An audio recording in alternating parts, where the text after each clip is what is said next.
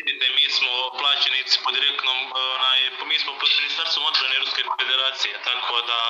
primamo sve regularno ko Ruska armija i novac i